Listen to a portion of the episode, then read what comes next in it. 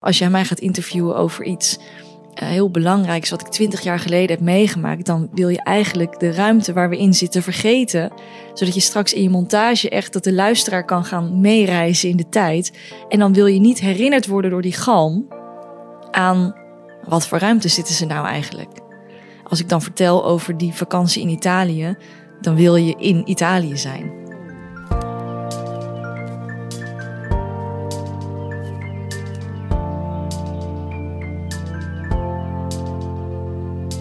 Een podcast over podcasts. Meer meta gaat het niet worden. Mijn naam is Hidde Bruinsma en in deze serie ga ik in gesprek met podcastmakers over hun maakproces. Vandaag staat Lotte van Galen, maker van De Man met de Rammelaars, die jou in ieder geval de volgende drie dingen gaat leren. Hoe je een goed verhaal herkent, wat de invloed van je opnameopstelling is op een gesprek en hoe je stap voor stap een podcast in eigen beheer opstart. Lotte is opgeleid als filmmaker en maakte in 2014 haar eerste film. Die werd uitgezonden op NPO 2. Tijdens het maken van die film bekroop haar het gevoel dat film misschien toch niet helemaal haar ding was. Ze koos vervolgens vaker voor een vorm waarbij ze alleen audio maakte en later beeld toevoegde. Toen kwam het besef dat ze gewoon radio moest gaan maken en later ook podcasts. Haar eerste serieuze podcast maakte ze in 2015 en die had een lengte van drie minuten waarmee ze meteen de Korte Golf Publieksprijs won. Het onderwerp van die podcast, de kaassoufflé en hoe Sarah, een Libanese vrouw, kennis maakt met deze heerlijke Nederlandse snack.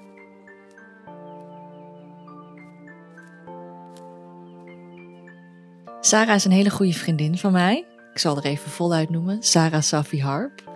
Uh, en een geweldige buikdanseres en buikdanslerares. En zij is gewoon een vat vol verhalen eigenlijk. Sommige, sommige heel, heel af en toe heb je iemand die zo is. Die, dat, is die, dat is gewoon goud. Daar kun je eigenlijk alles aan vragen.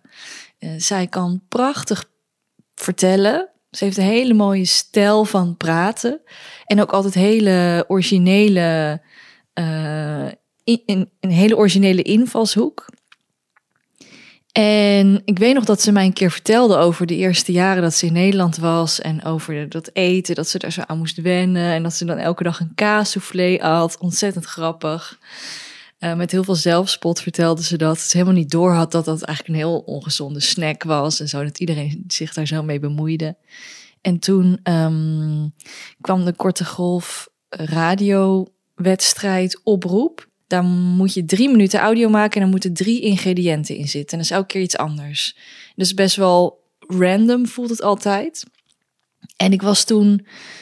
Ik had net mijn eerste audioverhaaltje gemaakt in een workshop die door de VPRO werd georganiseerd.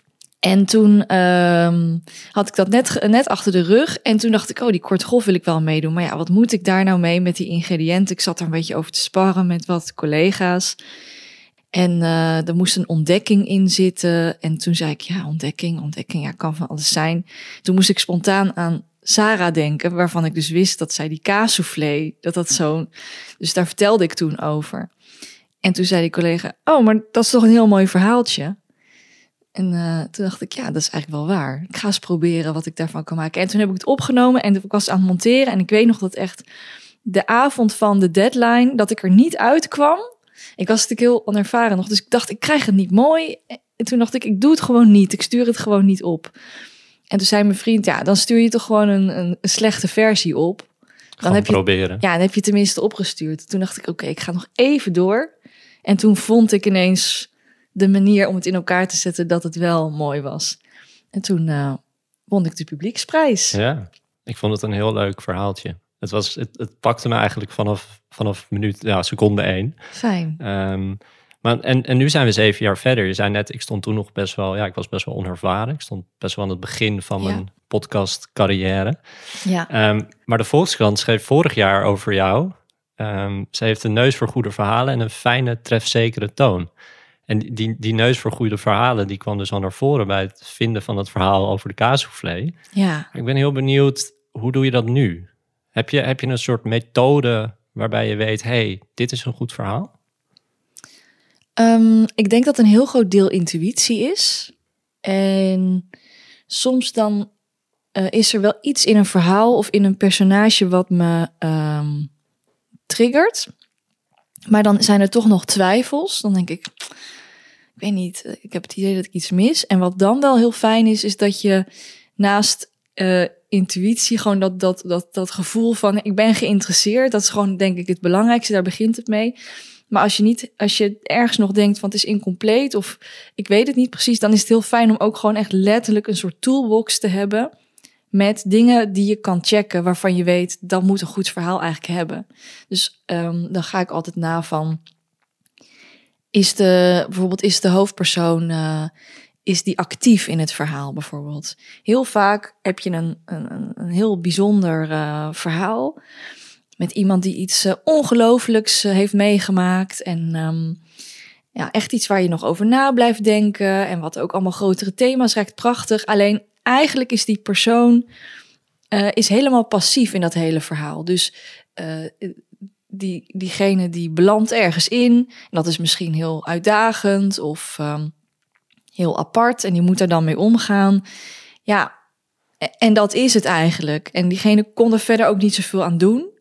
En misschien is, zit er ook wel veel, veel drama in, bijvoorbeeld. Dat je denkt, oh wat erg, wat erg, wat erg. En eigenlijk mis je dan iets belangrijks, namelijk dat de hoofdpersoon, degene die je portretteert, dat hij zelf iets doet, dat hij in actie komt, dat hij ook iets onverwachts misschien doet, iets anders wat je, wat je niet had kunnen voorspellen van tevoren.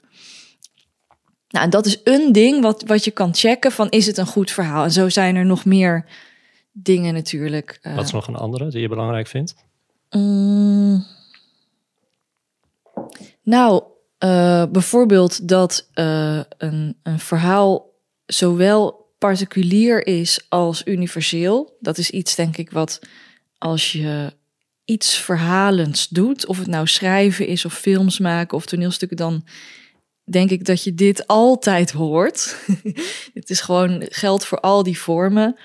Dat je um, een verhaal over een persoon, wat heel specifiek over die persoon gaat, dat is heel prettig, want dan kan je echt meeleven met dat karakter, uh, om het maar even zo te noemen. Maar je wil eigenlijk ook dat er wel uh, dat, dat dat verhaal exemplarisch is of, of symbool staat voor iets groters, wat ook over jou en mij kan gaan.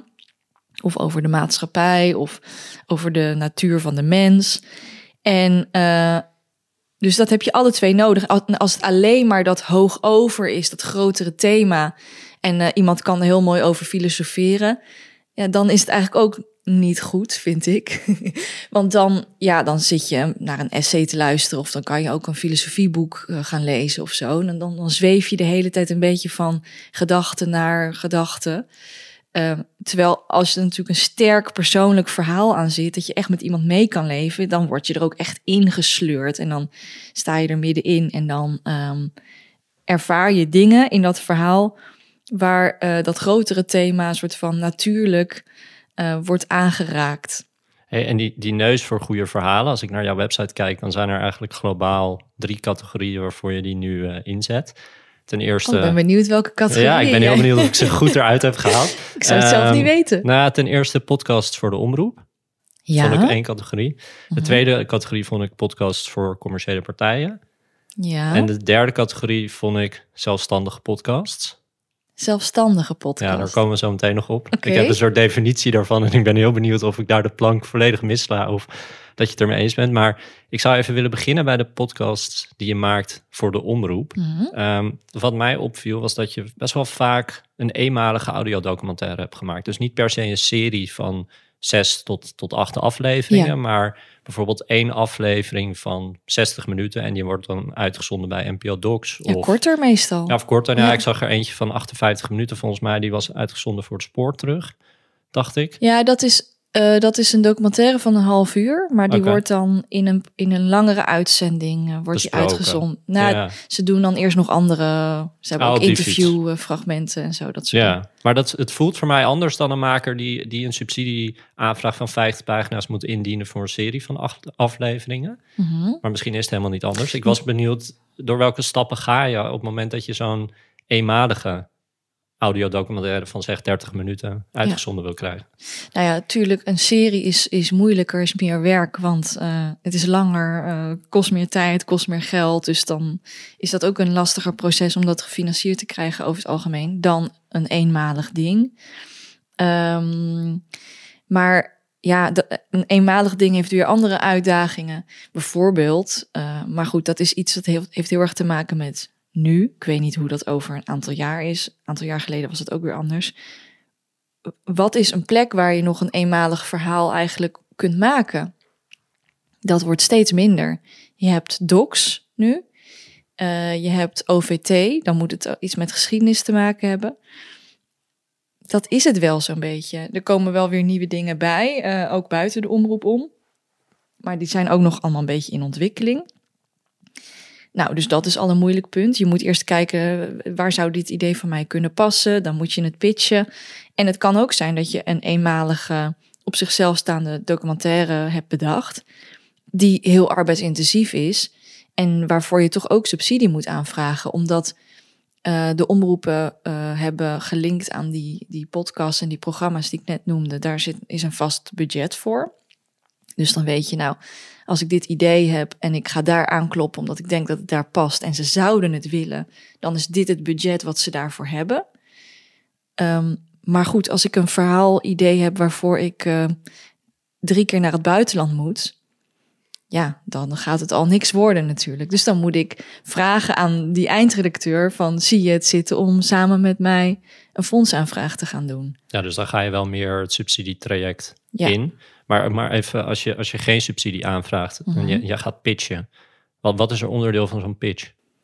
Als je wel subsidie aanvraagt, moet je ook gaan pitchen. Want dan ga je eerst pitchen bij een omroep, die moet het willen. En dan is de volgende vraag, uh, gaan we dan, waar gaan we dan het geld vandaan halen? Um, maar dat is een uitgebreidere pitch, denk ik. Of in ieder geval een Nou, je begint altijd met één, één pitch natuurlijk. Als je, als je met de omroep wil samenwerken, dan moet je eerst een omroep hebben die het wil hebben. Dus dan heb je een eindredacteur nodig die zegt, tof, ik wil dit in mijn programma. En dan is de financiering is de volgende vraag eigenlijk van, kunnen we dat zelf of moeten we dan ergens naartoe? Dus die eindredacteur moet je aan boord krijgen. Dus daar moet je altijd mee beginnen met pitchen. Dus dat ongeacht welke route je uiteindelijk bewandelt. En uh, wat, wat was je vraag over nou, de pitch? Maak je dan een klein stukje van, van een podcast? Dus stel je hebt een idee voor een audiodocumentaire van een half uur. Mm Ga je dan eerst vijf minuten maken en wordt dat onderdeel van je pitch? Of is het een geschreven pitch? Het is meestal een geschreven pitch, maar je kan zeker ook uh, bijvoorbeeld een proefopname. Als dat, het hangt een beetje aan het, uh, ervan af wat voor verhaal natuurlijk is en wat er mogelijk is. Maar uh, een, een, proefopname kan heel erg helpen. Dat je een klein stukje kan laten horen. Dan weet je eindredacteur meteen hoe die persoon waar het allemaal om draait, bijvoorbeeld hoe die vertelt. Um, ja, dus dat kan je zeker doen. Maar um, soms is het, begint het ook gewoon met een telefoontje van: hey, luister, ik heb dit idee, even in een paar zinnen.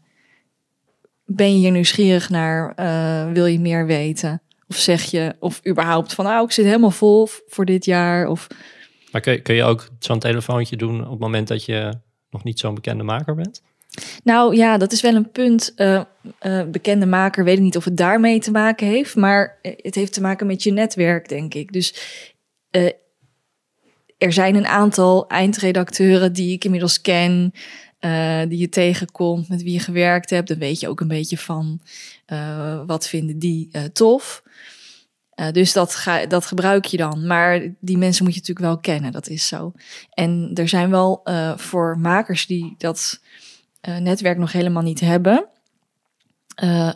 als je gewoon kijkt bij omroepen, online bijvoorbeeld, waar je kunt pitchen of wat ze zoeken, dan zijn er bepaalde plekken die je gewoon op zich makkelijk kunt vinden. Dus bijvoorbeeld um, bij docs uh, kun je uh, gewoon een mailtje sturen. Ja. ja.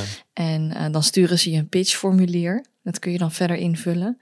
Maar je kan ook zeggen, goh, als dat mijn eerste project is en ik heb toch nog niet zo'n heel goed idee waar dat allemaal aan moet voldoen, dan vraag je gewoon van, hoe kan ik even bellen? En dat is best wel een goed, goede methode. Dan hebben zij meteen ook een soort gevoel bij jou. Dus dat zou ik wel aanraden om dat te doen. Bij de NTR heb je bijvoorbeeld ook de podcastdokter. Ja, dat Marion Oskamp. Juist, dat is echt heel laagdrempelig bedoeld. Dat je echt gewoon eh, aan kan kloppen. En dat zij ook met je meekijkt van nou, misschien is het wel interessant, niet voor de NTR, maar misschien moet je eens even bij Afrotros gaan praten. En zij kent daar de weg natuurlijk heel erg goed. Ja, dus netwerk, netwerk is heel belangrijk. Ja, Eh, Want jij helpt ook beginnende makers. Zag ik op Ja. je website, je begeleidt, nou ja, misschien Ja. niet per se alleen beginnende makers, maar... die- nee, die ja, wel beginnend Ja, die hoor, begeleid je één op één. Ja. Waar help je ze dan vooral mee? Meestal met het maken van hun eerste eh, podcastverhaal. Dus, ehm, en dan is altijd een beetje per persoon is het heel verschillend waar je hulp bij nodig hebt. Dus sommige mensen die hebben een geweldig idee, maar die hebben echt geen idee hoe ze moeten beginnen. En anderen zijn er al wat verder in, dus dan ga je wat meer eh, op het niveau van eh, meelezen, meeluisteren, feedback geven, dat soort dingen, versies. Ehm, ja, soms is dat omdat een producent en of een omroep hebben bedacht: het is goed om deze maker te koppelen aan een soort coach, als een soort eh, ja, extra klankbord. En soms is het omdat iemand eh, vanuit zijn of haar eigen werk bijvoorbeeld iets gaat doen eh, en een loopbaan eh, budget heeft om daar hulp bij in te schakelen. Dus dat kan heel verschillend zijn. Ja. En ik zei net al, ik had drie categorieën. De tweede categorie zijn de, de, de wat meer commerciële podcasts. Ehm, ik zag dat jij podcasts had gemaakt voor onder andere de NS en Nationale Nederlanden. Ja. Ik was benieuwd, wat, vind jij de kracht van audio voor zulke bedrijven? Ehm, nou, de kracht van audio op zich, eh, daar kan ik wel heel veel over zeggen. Dat vind ik gewoon, ik denk dat het echt een heel geweldig medium is waar je heel veel mee kan. En daar kan je natuurlijk gebruik van maken, eh, ongeacht wie je bent, dus als bedrijf ook. Ehm, ik denk dat je wel, en dat is best wel lastig met als er een, eh, de, de afzender van een goed audioverhaal, als dat een bedrijf is, dan denk ik dat je eigenlijk 2-0 achter staat. Want wie wil er nou een verhaal van een bedrijf horen? Dus ja, eerder een reden om niet te luisteren, toch? Ja, eh, het ligt eraan. Ik, ik luister wel eens podcasts van bedrijven, omdat ik het idee heb van hey, de kennis die zij daar delen, die wil ik heel graag weten. Maar ik denk dat ik ook misschien wel net naar andere soort podcasts dan luister. Ja, precies. Dan heb je het over misschien meer informatieve podcasts. Precies, het gaat eigenlijk heel erg over een soort content marketing, waarbij zij uitleggen van eh, hoe Ja. kom je in vijf stappen tot je eerste klant. Ja. Dat, Ja. dat, is, een, dat is een andere... Ja, dat is helemaal waar. Ja, Ja. klopt. Nee, daar ben ik het helemaal met je eens. Eh, Maar die laat ik even helemaal buiten Ja, beschouwing. precies. Als je het echt hebt over dat genre waar ik graag in werk, met eigenlijk documentaire verhalen, ja, dan heb je als luisteraar zie je helemaal geen toegevoegde waarde van waarom moet daar nou een bedrijf achter zitten? En dat is eerder een beetje verdacht. Gaan ze me dan iets verkopen? Is het dan wel eh, onafhankelijk gemaakt? Nou ja, nee. Dus is het dan wel integer gemaakt? Dus is eigenlijk een beetje een nadeel. Dus ik denk waar de eh, wat een echte waar de crux zit, is of je als bedrijf uit die eh eh, normaal ge- gebruikelijke gedachtegang of stramien kan stappen van, maar wij brengen iets naar buiten, wij investeren, dat moet goed op onze naam eh terugreflecteren, dus we moeten goed onze naam daaraan verbinden. En ons logo en onze huisstijl. En het moet over ons product gaan of over onze dienst. En dan moet er een call to action aan het einde. Dat moet je allemaal niet doen. Want dan jaag je gewoon luisteraars mee weg. Je moet eigenlijk gewoon hopen dat ze niet doorhebben dat het van jou komt. En dat klinkt natuurlijk heel erg eh, tegenstrijdig of. Nou, dat is denk ik een stijl waar jij ook waar jij in kan vinden. Er zullen misschien ook makers zijn die zeggen: ja, het maakt me helemaal geen reet uit dat, dat het heel duidelijk is dat het van het bedrijf komt. ik, denk, ik denk niet als maker of het mij kan schelen. Ik denk aan de luisteraar. Ja, maar dan ben je dat, dat is natuurlijk een goede maker die denkt aan de luisteraar. Ja. Maar ik ben wel benieuwd. Jij vertelt dit dus aan zo'n merk. Jij zegt: Ja. als je met mij zo'n podcast wil maken, dan gaan we dit, dit en dit gaan we niet doen. ja. En, en, en dat vinden ze oké? Nou, kijk, vaak is het wel zo dat zo'n groot merk huurt niet mij rechtstreeks in. Oké, hoe gaat dat? Die huren al een reclamebureau in. En die reclamebureau overtuigt zo'n merk dan... podcast is nu het ding. Of dat merk weet het zelf al. En het- een, een goed reclamebureau weet ook dat een podcast vol met... Hè, wat je, waar een documentaire verhaal en dan allemaal merkboodschappen... dat dat niet werkt. Dus dat gaan ze dan alvast uitleggen. Meestal huurt, dat mer huurt zo'n reclamebureau... kan mij rechtstreeks inhuren. Maar kan ook nog zijn dat die dan een podcastproductiebureautje inhuurt... En die hebben, gaan dan weer kijken welke maker zou dit kunnen doen. Dus in, in, in die commerciële sferen zitten er vaak veel meer schijven tussen. Dus jij hoeft dan niet meer aan hun te vertellen van... hé, hey, dit en dit gaan we niet doen. Want dat is, dat is Nee, vaak al aan ze verteld. Ja, en als die, die, die bedrijven die ertussen zitten dat niet goed hebben verteld, dan, dan wordt het geen prettige samenwerking tussen mij en die bedrijven. Dus dan gaat het hem ook niet worden. Dus dit is ook de reden dat ik dit eigenlijk heel weinig doe hoor. Ja, nee, dat zijn maar, ik zag, er zijn maar een paar projecten, Ja. inderdaad. Uh, maar als het, als het goed gebeurt, dan heb je dus een, een merk die zegt: wij snappen de waarde van dat we een, een, een op zichzelf staand, interessant, leuk, uh, ontroerend, uh, grappig, weet ik veel wat, verhaal gaan vertellen. En wij zijn de afzender, maar we maken onszelf zo klein mogelijk, want we willen die luisteraar niet in de weg zitten. En we zeggen alleen op het einde van, trouwens, dit was een podcast van. En dan, uh, en dan hopen dat het voor hun, dat het iets doet in de zin van de, de, associatie met het merk bijvoorbeeld. Of dat je zo'n podcast kan inzetten zelf om te laten zien van, goh, wij hebben hier oog voor, hè, voor dit soort onderwerpen. Of, ja. ja. Um, de man met de rammelaars. Ja. Die, die heb je gemaakt in samenwerking met Airborne. Ja.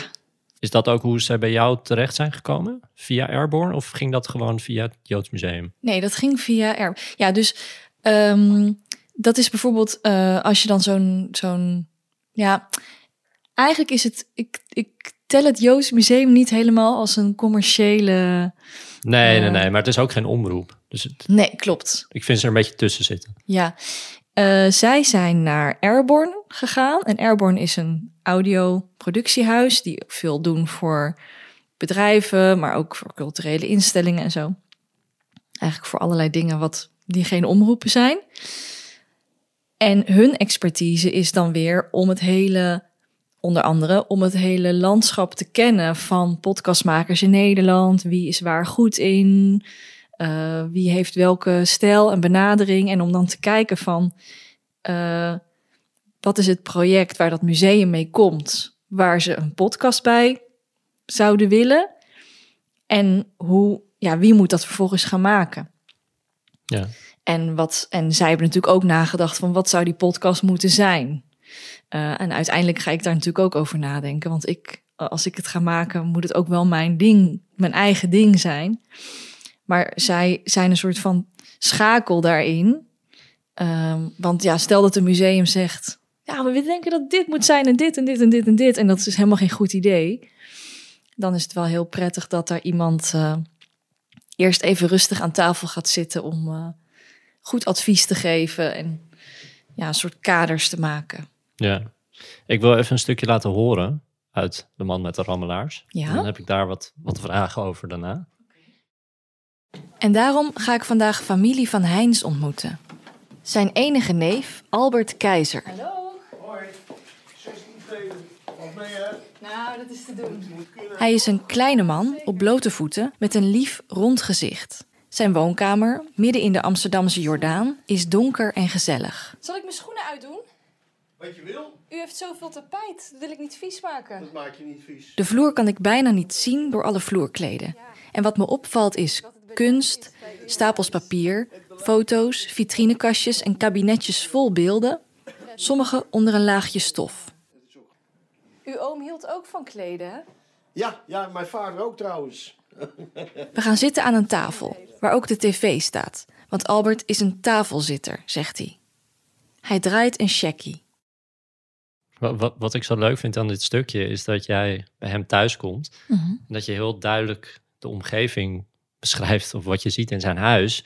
En vervolgens als je verder komt in deze aflevering, dan ga je ook die elementen die je ziet, die ga je ook gebruiken in het gesprek met hem. Om het gesprek ook bepaalde kant op te sturen. In ieder geval, dat is hoe ik het ervaarde als, als luisteraar. Ja.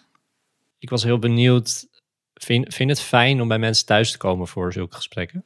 Ja, ja, ik doe dat eigenlijk altijd. Ja? Ja.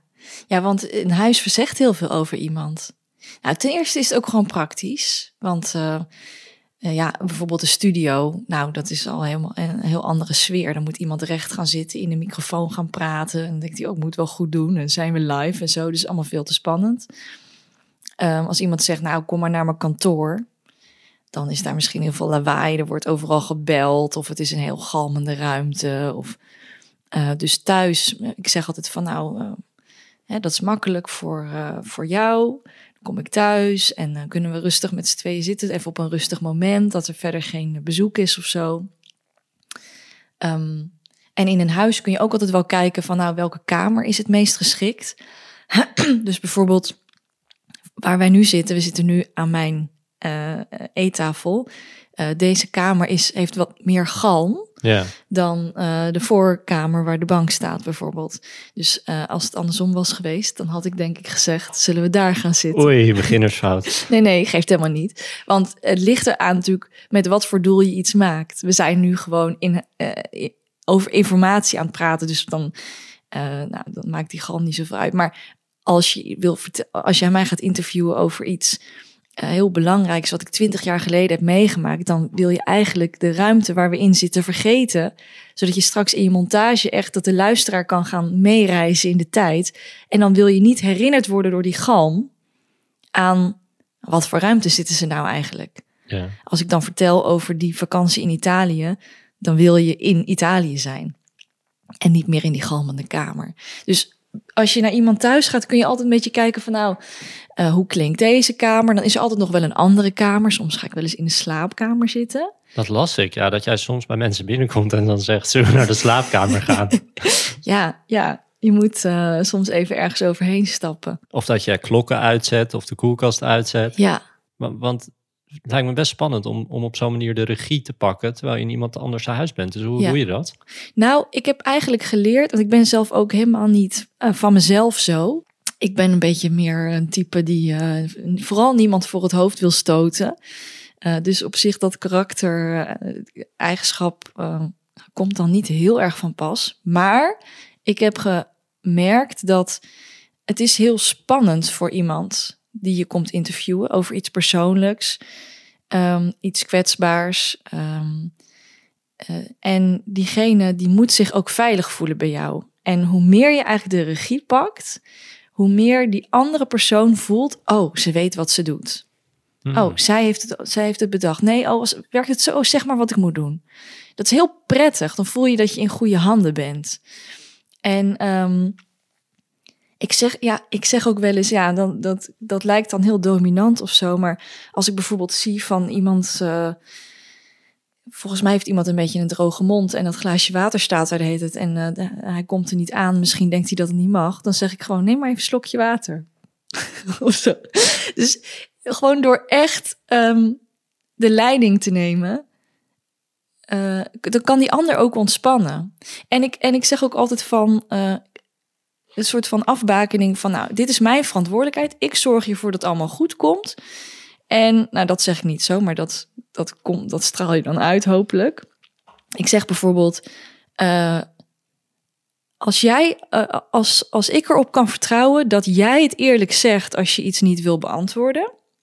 Dus dan moet je gewoon echt helemaal de ruimte innemen. Dan voel ik me namelijk ook vrij om alles te vragen. Kunnen, is dat oké voor jou? Kunnen we dat afspreken? En dat is ook een beetje zoiets waarbij je eigenlijk heel duidelijk verdeelt van... Oké, ik zorg dat het goed komt. Ik ben mijn ding aan het doen. Zorg jij maar voor jezelf. En als je niet lekker zit, moet jij het zeggen. En eh, dat is denk ik gewoon prettig. Duidelijkheid of zo. Ja. Dus dat maakt dat ik dan dingen wel durf te vragen zoals... kunnen we misschien in de slaapkamer gaan zitten? Wat ik normaal niet zou durven. En wat je denk ik dan ook doet, is dat je, wat je net al zei, dat je heel erg kijkt in welke ruimte, maar ook in welke opstelling. Want jij maakt soms podcasts over best gevoelige onderwerpen, Ja. of onderwerpen waar misschien mensen over het algemeen niet heel veel over praten, zoals seksualiteit onder jongeren. Wat zijn tips die jij makers zou willen geven over de opstelling van de opname. Want Ja. wij zitten hier nu heel formeel tegenover elkaar. We hebben een standaard, we kijken Ja. elkaar aan. Ja. Misschien niet de beste opstelling om, over, om je oma te interviewen bijvoorbeeld. Dus Ja. hoe- ja, hoe denk jij daarover na? Ja, dat is een goeie. Nou ja, hoe wij nu zitten inderdaad recht tegenover elkaar aan een eettafel. Dat is een beetje de, eh de standaard podcast setting. Ja, weet ik niet. Het is een beetje, het doet me, eh, ik vind het niet onprettig hoor, maar het is een beetje zoals je een verhoor bij de politie ook doet. En eh, het is een beetje confronterend-achtig. Ehm, terwijl als je bijvoorbeeld om het hoekje gaat zitten, dus zeg maar deze stoel hier aan de kopse kant, dan kan je elkaar ook nog aankijken. Dan kijk je schuin, maar dan kan je, heb je ook wat meer ruimte om bijvoorbeeld even voor je uit te staren, terwijl je nadenkt, ja, goh, hoe was dat eigenlijk? En dan kijk je elkaar niet aan dat maakt het soms ook makkelijker om even terug te komen bij je herinneringen of bij je gevoelens. Ehm, en ik ga ook wel eens naast iemand op de bank zitten, bijvoorbeeld.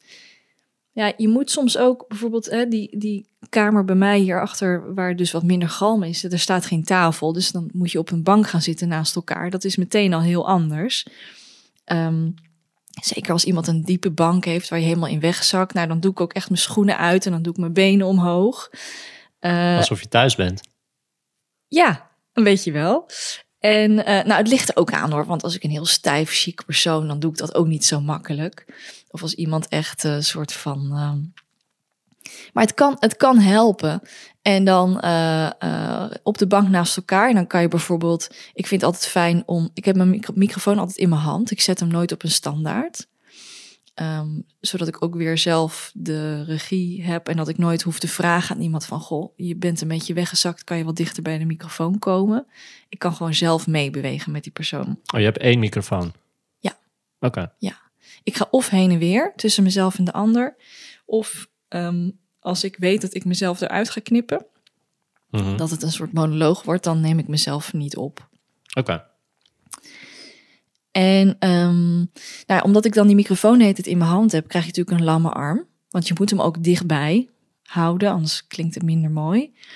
Ehm, altijd een vuist afstand is mijn eh, regel altijd. En ehm, dus dan vind ik het altijd prettig als ik bijvoorbeeld mijn elleboog ergens op kan laten rusten. En met een bank kan je bijvoorbeeld vaak eh, op de rugleuning dan je elleboog doen. Dus er zijn van die trucjes. Ja. Dat je gewoon lekker zit en comfortabel en niet dat je rechtstreeks oogcontact hebt. En eh, dat je ook door een houding, door als je met iemand op de bank gaat zitten, eh, veel meer al uitnodigt om even te ontspannen en dat het informeel is. En eh, ja, En er zit een stukje in de podcast, en dat wil ik laten horen. En dat, is, dat voelde voor mij als een soort experiment met audio. Ik ben heel benieuwd of jij dat, of jij dat ook vond. Oh, ja, ik Ehm, denk dat ik weet wat je bedoelt.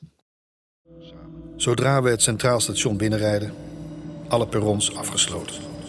Links en rechts, groene politie. Aan de andere kant uitstappen, maar dat helpt ook niet. Groene politie deelt de menigte. Vrouwen naar de volgende. Snel, doorlopen. Dag Jaap, dag, Jaap, dag Sietske, dag Sietske, dag Sietske. Onze schuilnaam. Ik was door de controle heen. Daar stond Sietske ook al. Een paar uur later. Onderzoek. De dokter. Ik kan u meedelen dat u niet zwanger bent. En dat klopte op dat moment ook al. Was dit een experiment? Ja, het was eigenlijk wel een experiment. Ja, dit heeft Ad van Dongen gedaan. Ehm, het was namelijk zo, ik heb de montage zelf gedaan. Dus eigenlijk eh, wat ik altijd, ehm, nou, wat eigenlijk 9 van de 10 keer zo gaat, is dat je toch zelf het, het plan maken en voorbereidingen, de opnames en de montage, dat dat gebeurt vaak door dezelfde persoon. Dat is bij mij ook zo. Maar ehm, je hebt wel voor de mixage en het masteren en zo heb je toch weer iemand nodig die dat heel goed kan. En sound design is altijd een beetje een dingetje wat daar tussenin zit. Ik ben niet echt een sound designer. Dus het is wel heel fijn om met iemand te werken die daar ideeën bij heeft. Maar eh, het is ook heel erg inhoud. Het is voor, maar het is ook heel erg inhoud. Want ja, je ver- vertelt er heel veel mee. Dus ik ben toch ook iemand die daar, ehm, daar ook zelf met sound design al dingen maakt. En dan soms, op het moment dat ik het dan overdraag aan de, eh, voor, eh, voor de mixage, dan ga ik vaak overleggen met diegene. Dan zeg ik, ja, ik heb dit gedaan. Dit is het gevoel wat ik wilde overbrengen. Maar ik weet het niet helemaal of het nou gelukt is. Kijk jij er nog eens naar? En soms zegt iemand dan, nou, ik heb het even allemaal weggegooid. Ik heb het even opnieuw gedaan, anders. Want diegene die heeft natuurlijk veel meer een... Um, ja, soort vocabulaire zou je kunnen zeggen aan uh, gereedschap of wat je allemaal kan gebruiken uh, in hoe je geluid inzet. En um, nou, dan ga je vaak een beetje heen en weer steggelen. En denk ja, dit is het toch ook niet helemaal. Of, oh, dit is het al veel beter, maar kan het nog iets meer zo? Dan ga je een beetje schaven. Nou, zo is dat hier ook gegaan. Want dit, het is een heel imp impactvolle scène. Je wil dat overbrengen. Um, maar het is ook best wel gek als Leopold gewoon dat droog voorleest zoals het er staat. En, en er zit stilte onder. Of uh, kwam het niet genoeg over voor mijn gevoel. Het werkte niet helemaal dat je voelt van, oh, hij komt, hij, we gaan hier echt in een ander soort modus. Bijna een beetje een paniekachtige modus of zo. Van, nou, uh, dit is gebeurd, hop, hop, hop. Alsof het voor hem ook een soort waas is geworden dat je die um, blur soort van wil laten horen. En daar, daar hebben we echt naar gezocht. Er zijn wel, wel echt veel versies uh, voorbij gegaan. En eigenlijk dacht ik op een gegeven moment, volgens mij is dit het. Maar ik ben er nooit helemaal van overtuigd geweest. En dat komt denk ik omdat als je zo vaak aan het luisteren bent naar je eigen montage, dan weet je ook niet meer hoe komt dit nou over als je blanco gewoon uh, als luisteraar hier uh, voor het eerst dit hoort. Nou, het, viel, het viel in ieder geval erg op. Nou, la, laat het weten, luisteraars. Ja, laat het weten. hey, er was nog een derde categorie van podcasts die jij maakt. De Ja. zelfstandige podcast. De zelfstandige podcast. Ja, en wat versta je daar dan onder? Nou ja, we hebben het net gehad over podcasts die jij maakt in samenwerking met de omroep. We hebben het gehad over podcasts die jij maakt in samenwerking met commerciële partijen. Of bijvoorbeeld een musea die een beetje tussen Mhm. een commerciële partij en de omroep in ligt. Mhm. Maar je kan natuurlijk ook een podcast gaan maken zonder dat je met een partner samenwerkt. Of zonder dat je met een omroep samenwerkt. Of zonder dat je wordt ingehuurd Ja. door een commerciële partij. Maar dat jij gewoon denkt, hé, hey, ik heb dit idee. En ik ga ermee aan de slag. En ik ga zelf het platform creëren. Ik ga zelf luisteraars zoeken. Ik, ik ga alle stappen Ja. waar je misschien in bepaalde gevallen dan een omroep bij nodig Ja. hebt. ehm, zoals het bereik, ga je dan zelf doen. Ja. Is dat iets wat jij al hebt gedaan of waar je nu mee bezig Ik bent? ben er nu voor het eerst in mijn carrière ben ik dat aan het doen. En hoe is dat? Ehm, dat is heel veel werk. En wel- welk project is dat? Kun je, dat- kun je dat Oh, dat project is. eh, ik dacht, je zei, hoe is dat? Ehm, het project is via via. Oké, dat is echt... Dat is helemaal in eigen. ja. Ja. ik heb een stichting opgericht om dat te kunnen doen.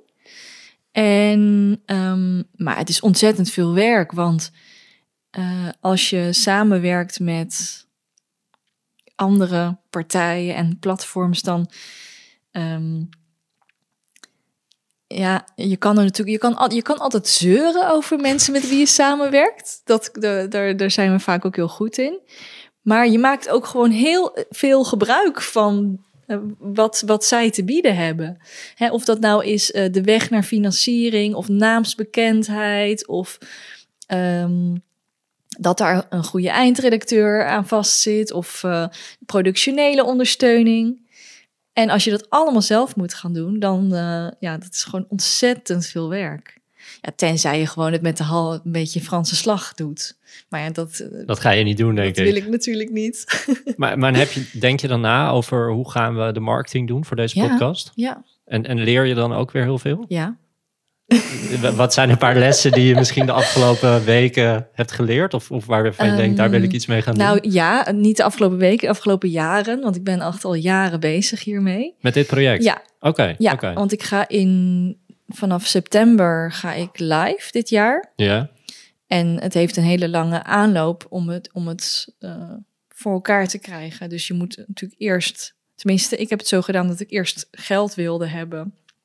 Zodat ik ook echt weet dat als ik het ga maken... en als ik andere mensen ga inhuren om mee te doen... dat ik die dan kan betalen. dus de financiering was wel al... Ja, die is nu 90% rond. Dus dat vond ik genoeg om te kunnen gaan beginnen.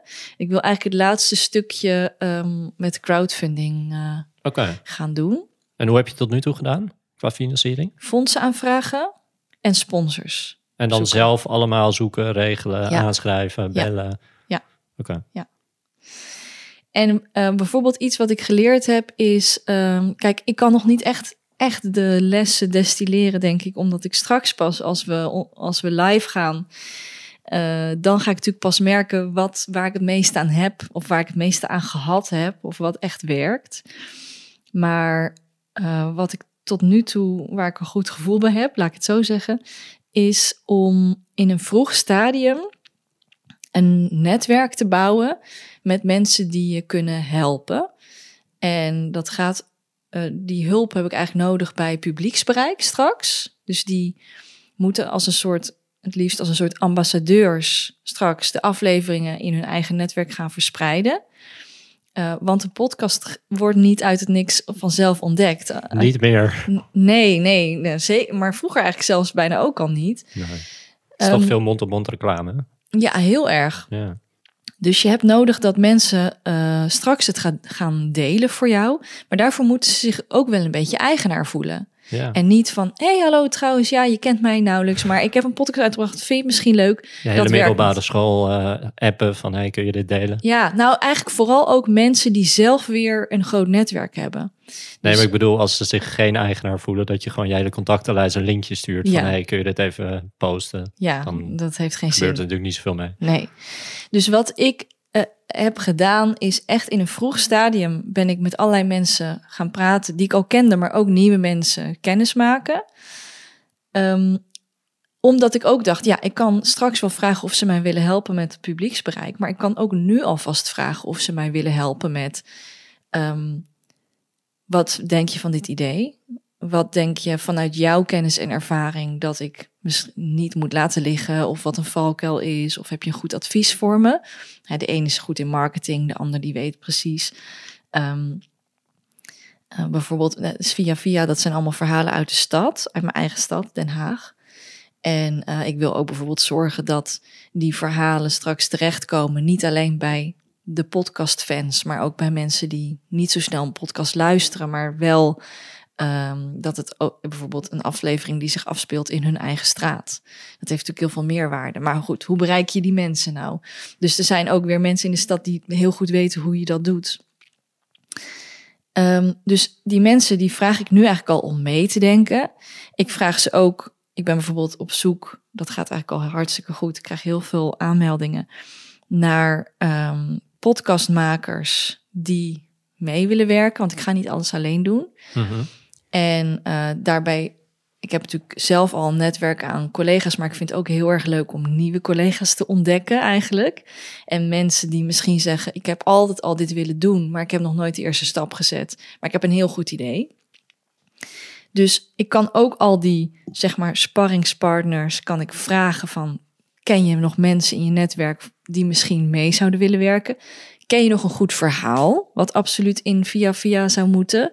Dus bij de research kan ik ze inzetten. En als ik ze dan betrokken hou, eens in zoveel tijd update, dan kunnen ze met straks het publieksbereik ook gaan helpen. En ik denk dat dat werkt, want dan hebben ze allemaal. Voor mij heb ik gewoon echt het maximale benut van wat iemand mij kan bieden.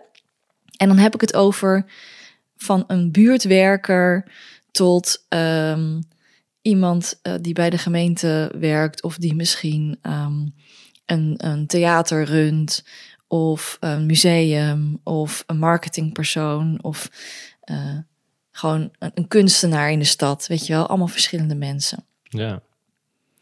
Uh, dus vroeg erbij betrekken en dan krijg je een soort draagvlak voor je project. En dat merk ik nu wel, dat is echt super leuk.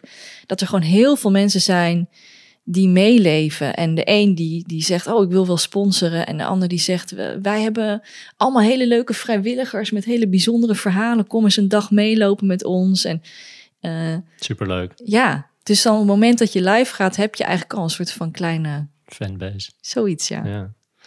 En als je nou terugkijkt op het, op het hele proces van de afgelopen jaren van, van podcast maken, um, van een opleiding volgende film tot het steeds meer plezier halen uit audio en vervolgens het maken van een podcast van drie minuten over de kaassoufflé. Um, en uiteindelijk met Man met de Rammelaars een prijswinnende podcast gemaakt. Hij heeft drie awards gewonnen. Mm -hmm. Wat zijn dan voor jou de belangrijkste dingen die het maken van podcasts je hebben opgeleverd? Oeh. ehm. Nou, ik denk gewoon ten, in eerste instantie heel veel plezier. Heel veel werkgeluk eigenlijk. Want het is gewoon ja, je werk waarmee je het merendeel van je tijd invult. En ik vind het super leuk. Ik heb echt de leukste baan die ik maar kan bedenken. Ehm, dus dat levert het me op. En het levert me op dat ik een heleboel andere werelden ontdek. Waar je normaal, dus zou je denken, ja, wat ga je daar doen? Maar met een microfoon heb je altijd weer een alibi om ergens binnen te stappen. Of, ehm, dus dat is heel avontuurlijk in die zin. En je ontdekt allerlei dingen die eigenlijk om de hoek liggen of voor het oprapen liggen, maar toch op de een of andere manier ver weg zijn. Uh, en ik denk ook wel dat het me dwingt op een prettige manier om echt over mijn eigen schutting te kijken.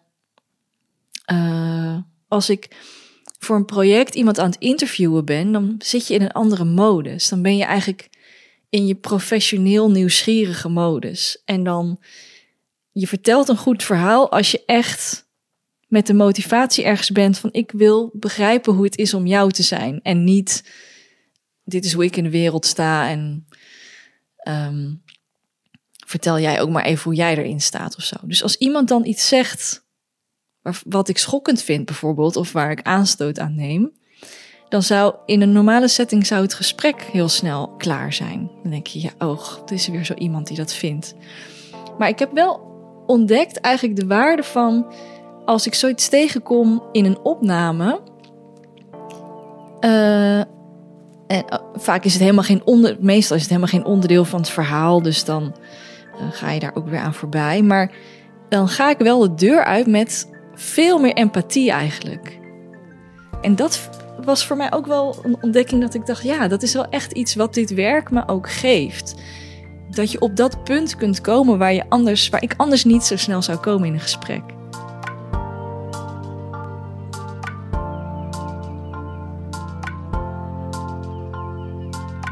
Wil je meer horen van Lotte? De man met de rammelaars en haar andere podcasts zijn terug te vinden op ieder podcastplatform. Hou bovendien haar website in de gaten voor nieuwe projecten en de lancering van Via Via. Daarnaast is ze actief op Instagram en LinkedIn. Mijn naam is Hidde Bruinsma en ik maak deze podcast in samenwerking met NL Stenden. Heb je een vraag voor mij? Stuur dan een mailtje naar info.hiddebruinsma.nl Wil je de lessen uit deze podcastserie nalezen? Voeg mij dan toe op LinkedIn, waar ik voor iedere aflevering een slideshow met inzichten deel. Bedankt voor het luisteren en tot de volgende keer.